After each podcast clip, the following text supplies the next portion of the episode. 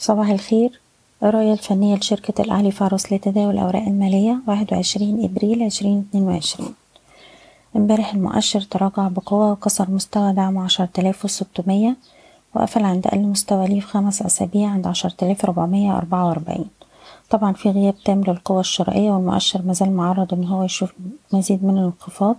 بنركز دلوقتي على مستوى الدعم الرئيسي عشرة آلاف ميتين وتمانين وده أقل مستوى في تمن شهور. وبالتالي مع الاقتراب من المستوى ده هيبقى في اختبار مرة تانية للقوة الشرائية. أقرب مستوى مقاومة دلوقتي عندنا عند العشرة آلاف سبعمية خمسة وعشرين ويلي مستوى المقاومة عشرة آلاف تسعمية وأربعين. وطبعا نتيجة لضعف أداء السوق في الوقت الحالي بننصح الناس إن هي تكون متحفظة في التعامل مع السوق لغاية ما نشوف دخول قوة شرائية بشكل منتظم مرة تانية. بالنسبة للأسهم نتكلم على سهم أبو قير.